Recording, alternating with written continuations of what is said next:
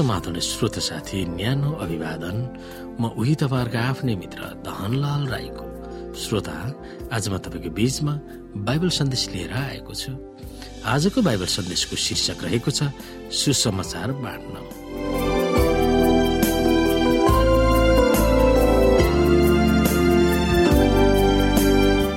श्रोता यसो ख्रिसको पुनरुत्थानको बारेमा सुन्दा मानिसहरूको प्रतिक्रिया कस्तो थियो?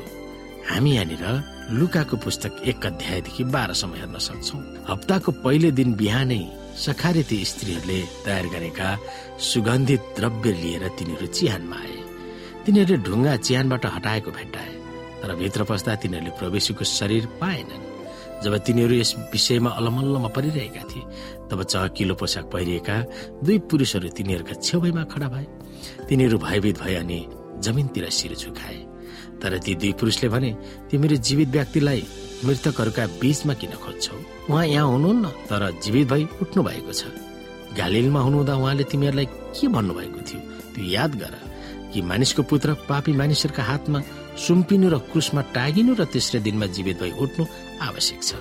तिनीहरूले उहाँका वचन सम्झे अनि चिहानबाट फर्केर तिनीहरूले यी सबै कुरा एघार चेला र अरू सबैजनालाई पनि बताइदिए। ती स्त्रीहरू चाहिँ मरियम मगदलिनी यो अन्ना र याकुबकी आमा मरियम थिए।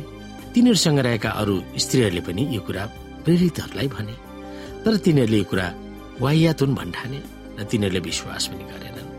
तर पत्रुस उठेर चिहानमा दौडेर गएर निहुरेर हेर्दा सुती कपडाका पट्टीहरू मात्र देखे त्यो घटना देखेर अचम्म मानि उनी गइहाले। श्रोत साथी लुकाको विवरण अनुसार आइतबार बिहानै केही स्त्रीहरू यसुको चिहानमा गएका थिए।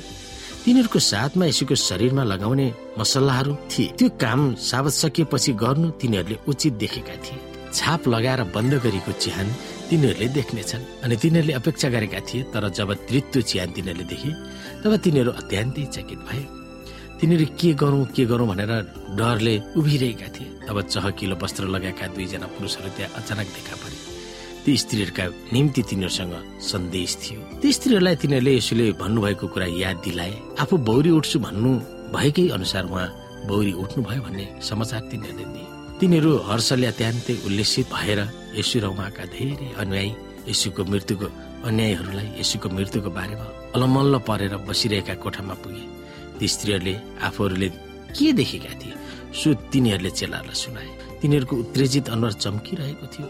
यसुको बारेमा आफूले के देखेका थिए? सो तिनीहरूले सुनाइदिएका थिए। ती स्त्रीहरूले के अनुभव गरे के तपाईँले सोच्नुहुन्छ? तिनीहरूले आश्चर्यजनक अनुभव गरेका थिए। तिनीहरू भयले भरपुर भएर कापिरहेका थिए तर चेलाहरूले तिनीहरूलाई विश्वास गर्न चाहेनन् र भने कस्तो वायत समाचार हो? तर ती स्त्रीहरूको कुरा हो कि होइन भनेर थाहा पाउन पत्रुस आफै च्यानतिर खुरुरु दुबिरेर गएका थिए। यी कुरा हामीले अगाडि पनि भनेका छौँ।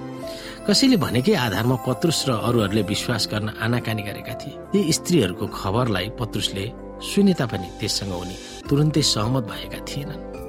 ती स्त्रीहरूको समाचार हो कि होइन भनेर उनले आफैले अनुभव गर्न चाहेको कुरा हामी हेर्छौँ। जब उनी चिहानमा गए तब उनले केवल रित्य चिहान मात्रै देखे।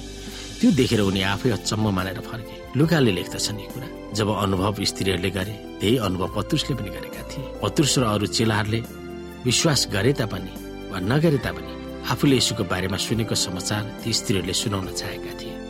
यसैले उहाँका भक्तहरूलाई उहाँले के गर्नुभयो त्यो अरूलाई सुनाउने भन्दा अरू महान लक्ष्य के होला? हामीमा भएको आशा र मुक्तिको सुसमाचार फैलाउने महान नियत भन्दा अरू के होला?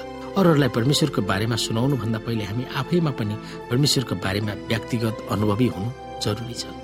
हाम्रो जीवनको निर्णायक मिसन वा लक्ष्य नै हामीहरूलाई अत्यन्तै मन परेको सुसमाचार अरूहरूलाई सुनाउनु हो।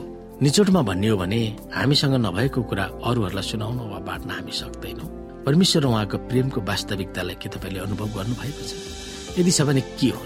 तपाईँको निम्ति ती बहुमूल्य छन्। तपाईँकै अनुभवले अभिप्रेरित भएर अरूहरूलाई सुसमाचार सुनाउन कसरी हामी सक्रिय भइरहेका छौँ त्यो विषयमा हामी सोच्न सक्छौँ।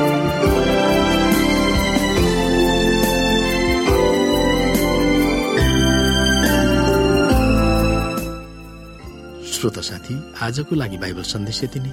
हस्त नमस्ते। जय मसिया